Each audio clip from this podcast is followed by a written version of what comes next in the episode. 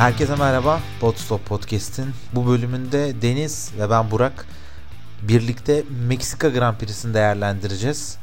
Ee, genel olarak Meksika benim e, sevdiğim pistlerden bir tanesi. Yani uzun düzlükler, geçişe imkan tanıması, ikinci sektördeki o virajlı yerler ve son sektördeki o muazzam e, taraftar atmosferinin hissedildiği alan gerçekten e, bence takvimdeki özel pistlerden birisi yapıyor e, burayı. Ama bu hafta sonu sanki e, yarış mücadelesi o kadar da ilgi çekici olmadı gibi. Ne dersin Deniz? Senin ilk yorumların nelerdir? Çok haklısın tabii. Bugüne kadar aslında biz Meksika'da çok güzel yarışlar gördük. Birbirini yakından takip eden araçları gördük. Fakat bu sene yeni araçlarla beraber çok istediğimiz performansı alamadık. Yani hafta sonu başladığında cuma gününden itibaren aslında takımların sürüklenme ve piste tutunamama problemleri olduğunu gördük ve bunun akabinde yani yüksek irtifadaki işte geçtiğimiz yıllarda Honda motorunun işte yüksek turbolu çalışması vesaire gibi hani avantajlarını görmüştük. Bu sene de hani daha yakından takip edecek araçlar beklerken bu araçların piste tutunamama ve lastik performansları sebebi aslında o beklediğimiz keyfi alamadık. Pist üzerinde alamadık. Keza yine bahsettiğin gibi e, taraftar heyecanı olsun, e, yine takımların Meksika'ya olan ilgisi ve hazırladıkları olsun. E, Meksika usulü F1 e, tema müziği olsun. Yani çok keyifli bir hafta sonuydu ama e, pist üzerinde bir tık daha keyifli şeyler görseydik e, tamamlanmış bir hafta sonu görebilirdik. Ya ben yarışı izlerken tüm hafta sonunu bu e, senin dediğin gibi tema müziğinindeki o Meksika esintileri e, acayip hoşuma gitti ve yani önümüzdeki yıllarda farklı yarışlar için neden olmasın diye de düşündüm. Çünkü internette biraz araştırınca birçok farklı versiyonunu bulabiliyorsun. Müthiş bir detay olmuş. Ee, umarım Formula 1'de e, yönetimi de bunu ilerleyen yıllarda e, devam ettirebilir. E, diyelim ve istersen cumartesi gününe giriş yapalım. E, cumartesi günü sıralama turlarında çok enteresan bir şey oldu. E, Q1'de e, takım arkadaşları birlikte elendi. Williams'lar ve Aston Martin elendi. Hemen arkasında Haas'lar ve Alfa Tauri'ler birbirlerini takip ediyordu. E, e, fakat e, burada elenen taraf Mick Schumacher oldu. E, Q3'e geldiğimizde ise e, pole pozisyonunu Red Bull pilotu Max Verstappen şampiyon pilot. E, 1.18'in altına inerek 1.17 775 ile elde etti. İlk çizgide yanında Mercedes'ten George Russell e, hemen arkasında ise Lewis Hamilton vardı 3. sırada. Mercedes antrenman turlarından itibaren oldukça sağlam bir performans göstermişti. Birinci antrenman turlarında Nick de Vries George Russell'ın yerine e, piste çıkmıştı. Sonrasında ikinci ve üçüncü antrenman seanslarında George Russell piste çıkar çıkmaz kendini ispat eden bir performans sergiledi. Ferrari'lerde Sainz 5. sırada, Leclerc 7. sırada ancak kendine yer bulabildi. Valtteri Bottas sezon başından bir esinti bize göstermiş oldu.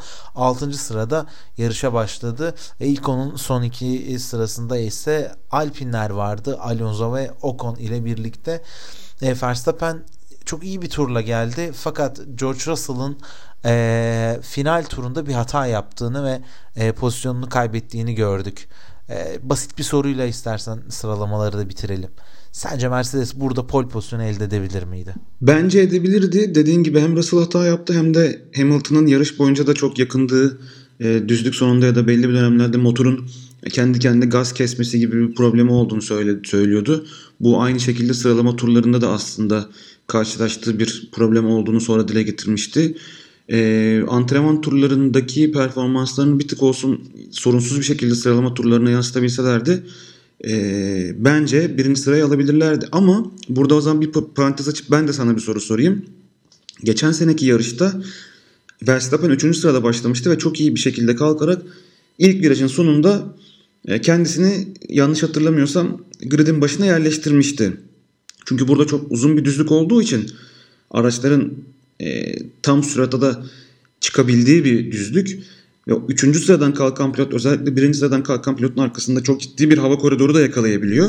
Rusya efekti. Evet. Rusya efekti. Evet, aynen öyle aslında. O yüzden Hamilton'ın pozisyonu aslında 3 yani 3 3. sıradan başlamak aslında çok büyük dezavantaj değildi ama aslında iyi de bir kalkış sergiledi. E, fakat Verstappen'i geçebilecek bir e, hızı yakalayamadı. Russell yakaladı. E, yani belki daha iyi kalksaydı ya da ilk virajdan sonra daha iyi bir atak yapsaydı sence Verstappen'e geçebilmek için bir e, çabada bulunabilir miydi? Ben lastik e, setleri aynı olsaydı geçebileceğini düşünüyorum. Yani çok rekabetçi olurdu en azından. E, çünkü ikiye karşı bir olmak, bir yarışmak Meksika'da çok önemli ve ilk üç viraj. Yani birincide uzun bir düzlük var, sonra iki tane viraj var. Sonrasında yine uzun bir düzlük devam ediyor. E, DRS noktalarında olabileceği. Burada e, e, daha iyi bir pozisyon sergileyebilirlerdi diye düşünüyorum. E, viraj açısında herhangi bir sorun yaşamazsa ama e, Verstappen'in yumuşaklarla başlayıp e, Mercedes'in orta hamuru tercih etmesi e, bence buradaki en kritik faktör oldu geçememeleri için diyelim ve bununla birlikte zaten yarışa da giriş yapmış olduk. İstersen yarışı değerlendirmeye her zaman olduğu gibi doğal olarak e, kazanan pilotla başlayalım ve kazanan takıma başlayalım.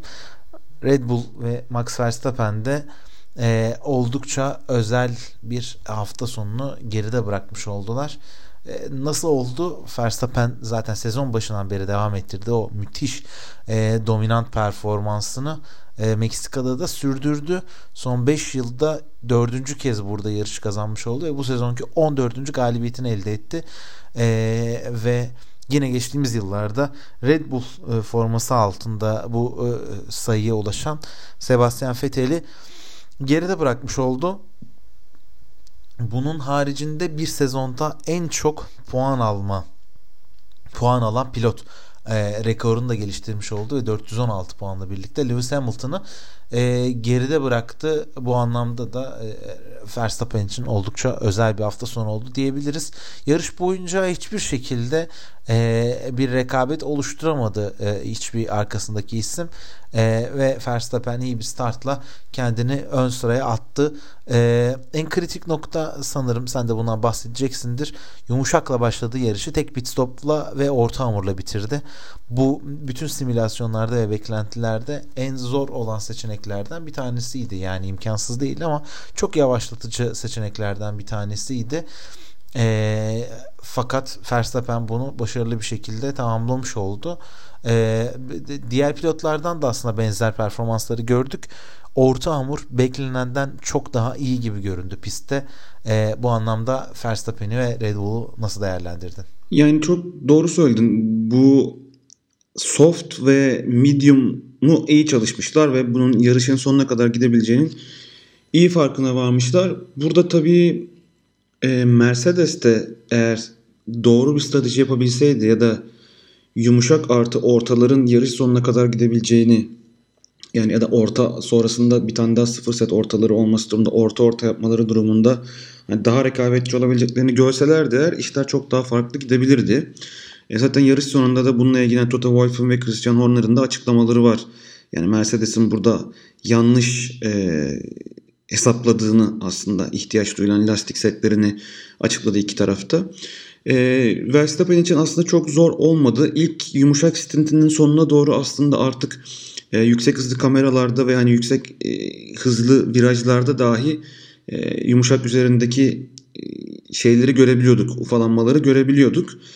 E, ve öncesinde giren pite giren ekiplerin işte sert takanlar, orta takanlar, sertlerin beklendiğinden daha kolay işleyebileceği gibi konular konuşuluyorken e, girip ortaları takıp e, iyi bir ikinci sınıfta da yarışı bitirmiş oldular.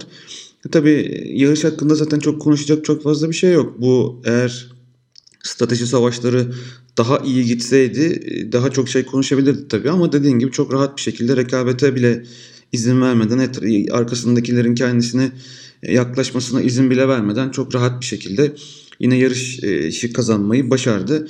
Yani bu hafta sonu özelinde belki de Mercedes'in hani sezonun geri kalan hani diğer iki yarışta ve bu yarışta 3 yarış desek yarış kazanabilme ihtimali en yüksek olan pistti bence ama hem doğru strateji yapamamış olmaları hem e, pilotların sıralama turlarındaki ufak hataları sebebiyle yarışı kazanamamış oldular. E, Ferrari'nin de zaten motor soğutması yanlış bilmiyorsam soğutma tarafındaki yaşadığı problemlerden dolayı istediğini elde edemediğinden e, Verstappen ve Red Bull için çok kolay bir yarış oldu.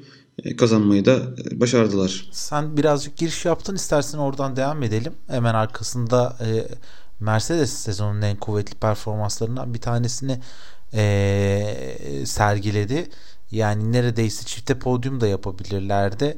E, fakat istenilen bir şekilde e, yarışın geri kalanının simülasyonunu yapamadılar. E, George Russell e, en hızlı tur puanını elde etti. En hızlı turu attı.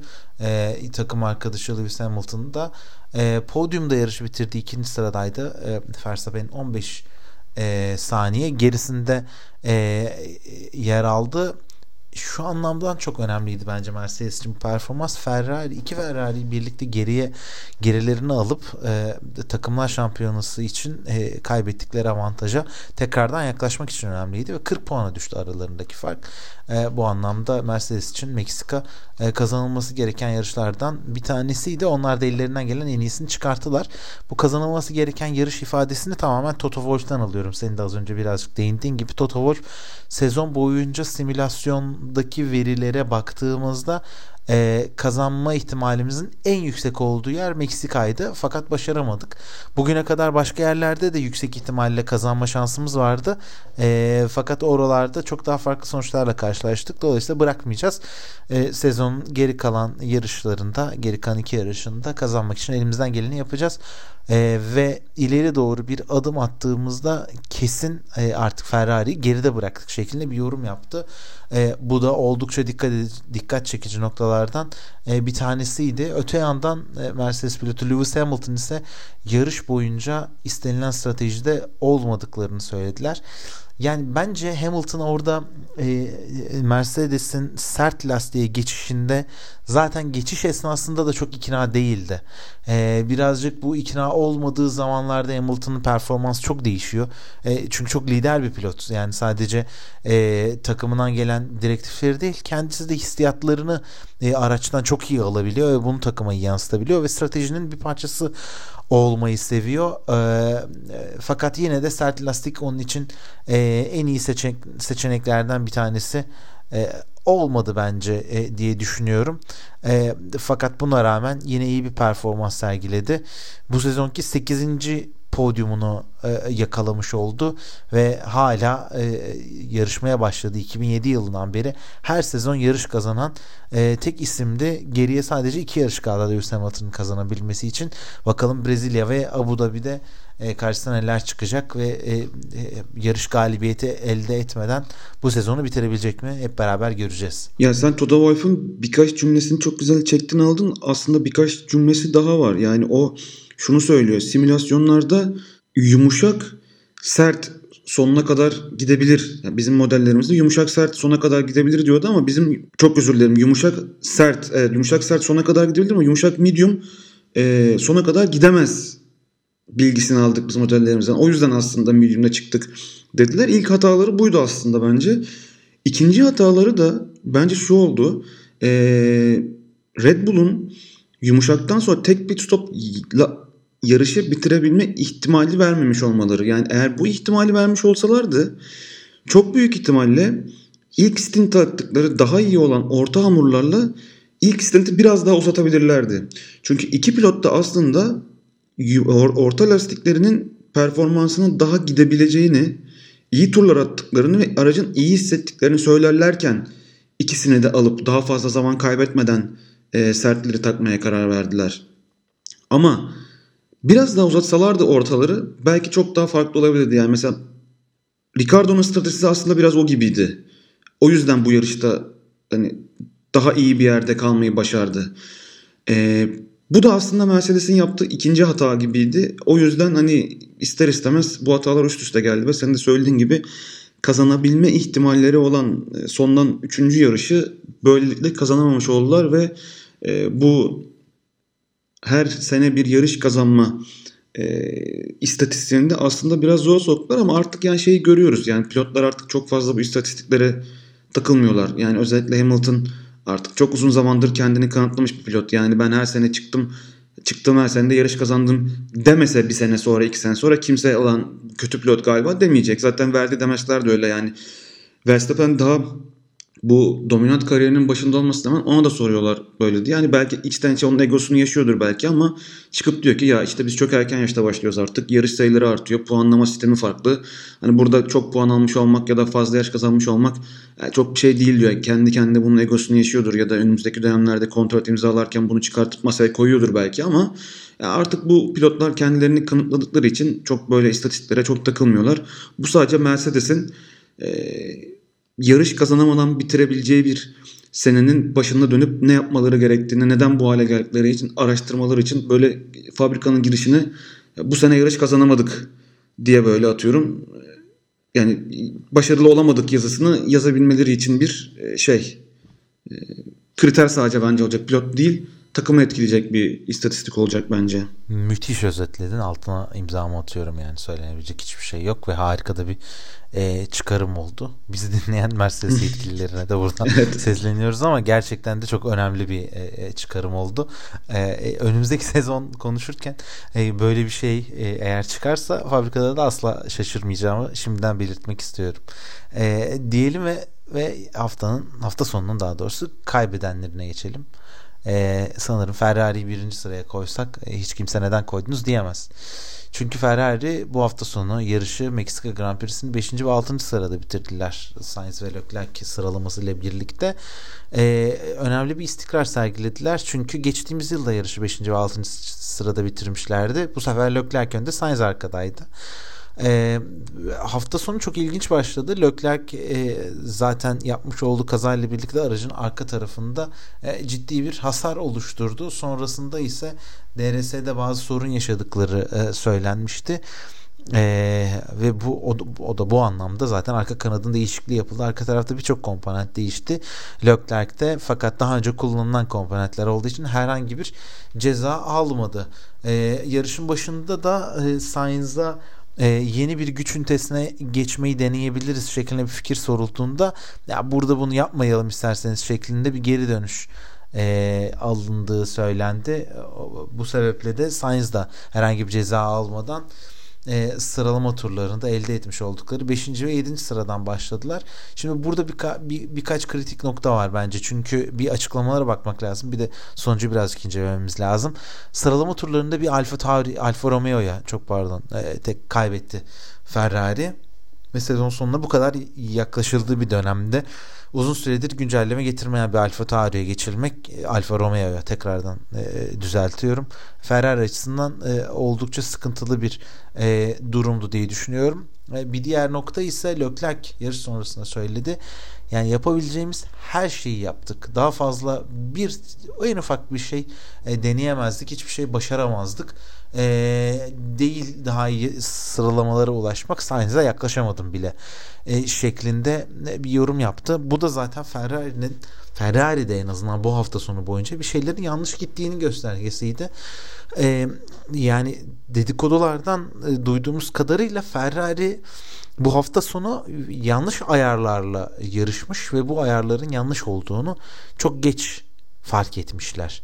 Yani biliyorum şimdi dinleyenler için de yani yok artık bu kadar da olmaz diyorlar. Bunlar dedikodu kanıtlanmış ya da kesinleşmiş e, bir bilgi değil. E, ama Ferrari'nin bu sezon ya da daha önceki sezonlarda başlarına gelenleri hatırlarsak çok da uzak bir ihtimalmiş gibi e, gelmedi bana. Sen ne düşünüyorsun bu konuda Deniz? Yani evet bunlar dedikodudan şey ama yani sıralama turlarında evet e, Bottas'a geçilmiş olmaları gerçekten soru işareti. Burada tabii Bottas'ın iyi bir performans göstermiş olması mı yoksa araçların gerçekten bu kadar e, iyi performans vermiyor mu?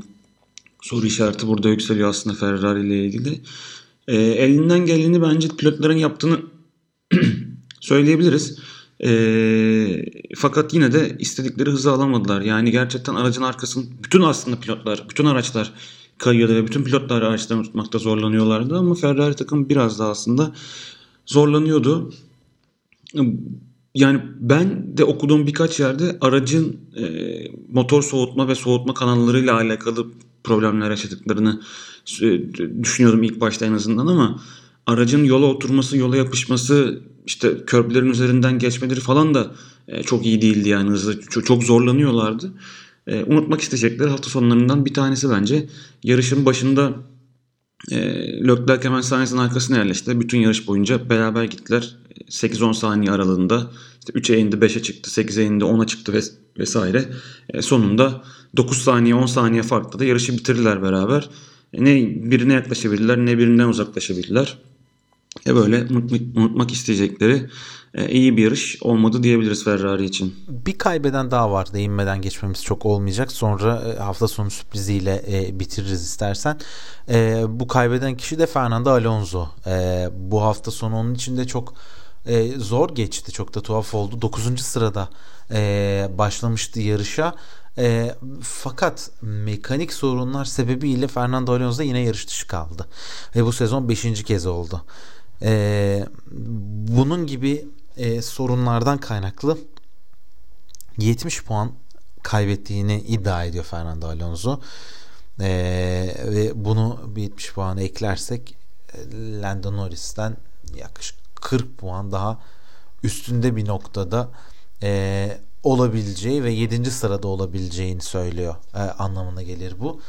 E, bu da geri kalanların en iyisi olmak anlamına gelir birazcık daha e, açabilirsek.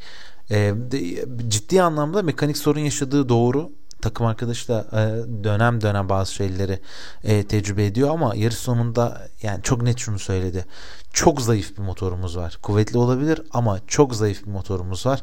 E, dolayısıyla bir türlü yarışın sonunu getiremiyoruz dedi.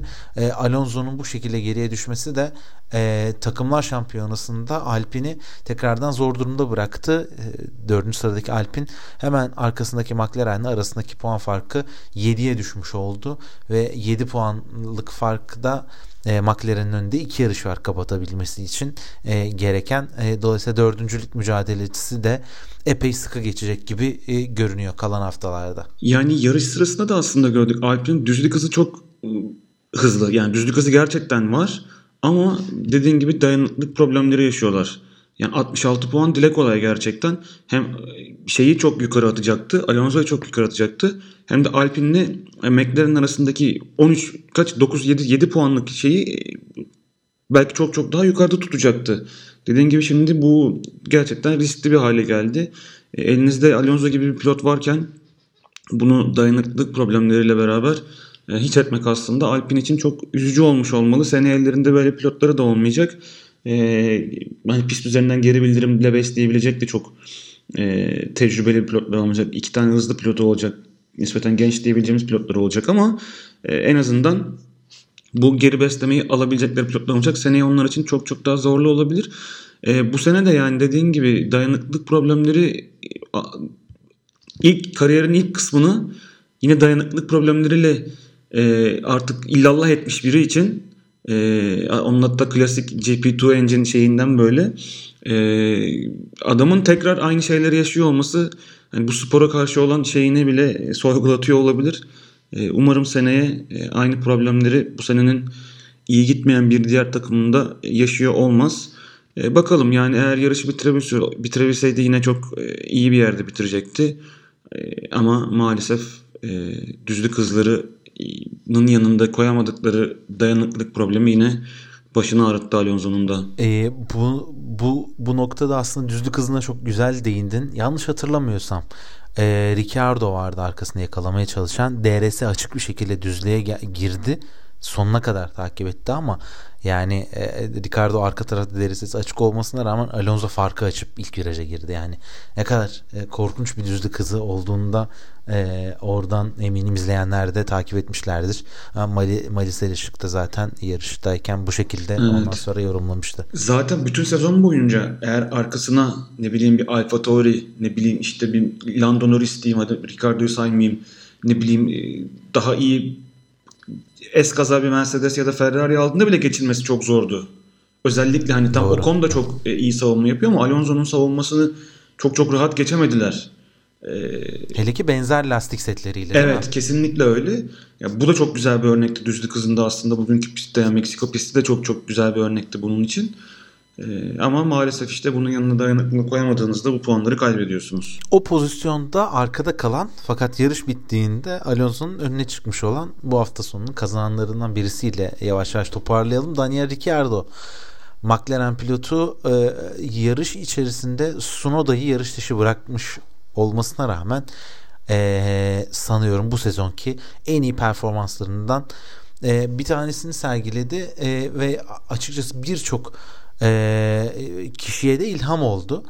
E, Ricardo'dan daha uzun orta hamurla başlayıp devam ettiren tek bir isim var o da Guan Yu Zhou.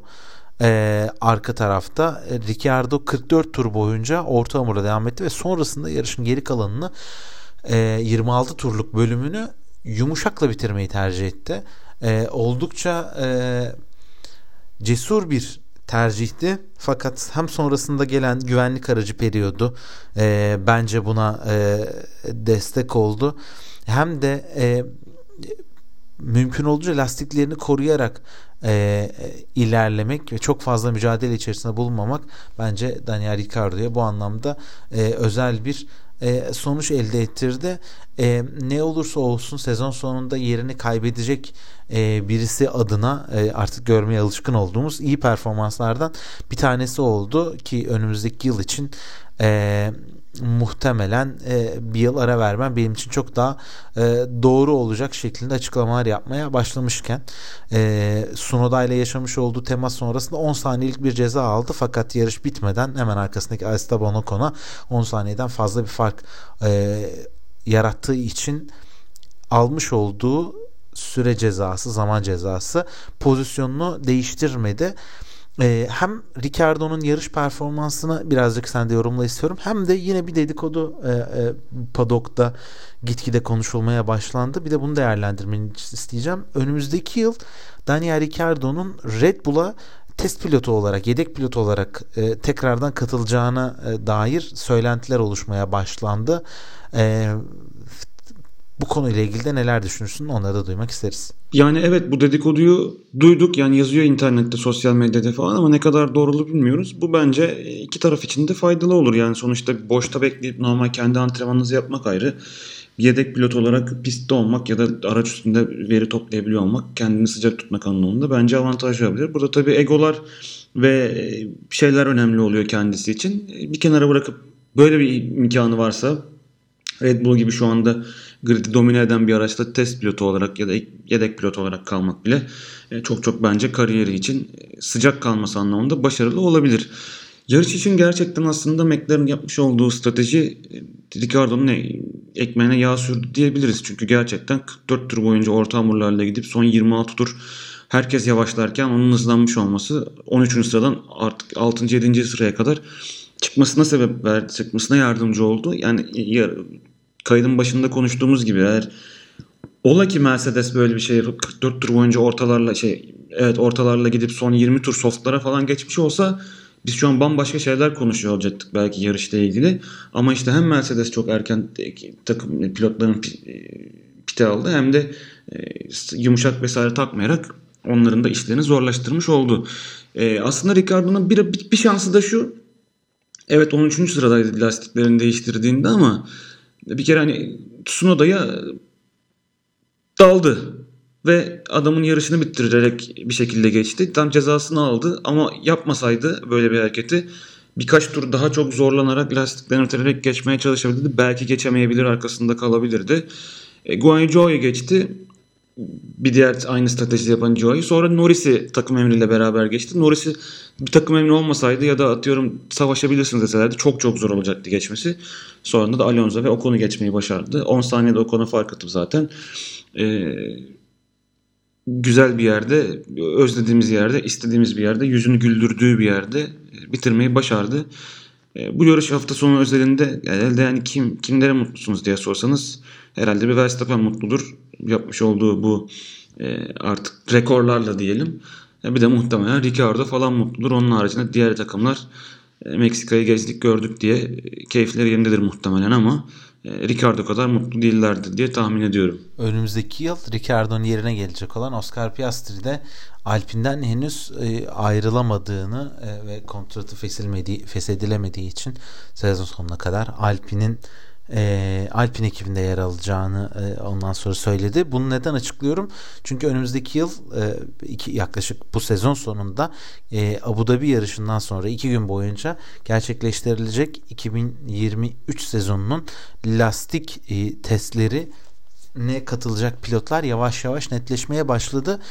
Bu anlamda Fernando Alonso ilk kez Aston Martin aracına e, Abu Dhabi'de binecek. Yarıştan sonraki gün gerçekleşecek olan testlerde e, Aston Martin direksiyonunda Fernando Alonso olacak. Bunun yanında Alfa Tauri takım patronu Franz Tost da önümüzdeki yıl Pierre Gasly'nin yerine takıma katılacak olan Nick De Vries'in de kendileriyle ilk sürüşünü e, bu Abu Dhabi testlerinde yapacağını açıkladı. Bu anlamda da e, birkaç önemli detayı daha önümüzdeki sezona e, ilişkin e, burada görmeye başladık. Meksika Grand Prix'si sonrasında sürücüler şampiyonasında Verstappen zaten şampiyonluğunu ilan etmişti. İkinci sırada Sergio Perez 280 puanda. Üçüncü sırada Leclerc 275 puanda e, yer alıyor. Sonrasında Russell Hamilton ve Sainz olarak da sıralama e, devam ediyorlar. Takımlar şampiyonasına geldiğimizde Red Bull 696 puanda lider. İkinci sırada Ferrari 487, Mercedes 447 puanda. Alpine ve McLaren arka arkaya e, bu ekipleri takip ediyorlar. 3 e, hafta üst üste yarış hafta sonunu geride bıraktık ve artık sadece iki yarış kaldı geriye. E, bu hafta sonu bir ara olacak. Sonrasındaki hafta da e, Brezilya'da Brezilya Grand Prix'si gerçekleşecek ve Brezilya Grand Prix'sindeki yarıştan sonra da Abu Dhabi ile birlikte 2022 sezonunu geride bırakacağız. Önümüzdeki haftalarda düzenlenecek olan Brezilya Grand Prix'si sonrasında yine burada sizlerle birlikte olacağız. Sao Paulo sonrasında görüşünceye dek hoşçakalın. Hoşçakalın.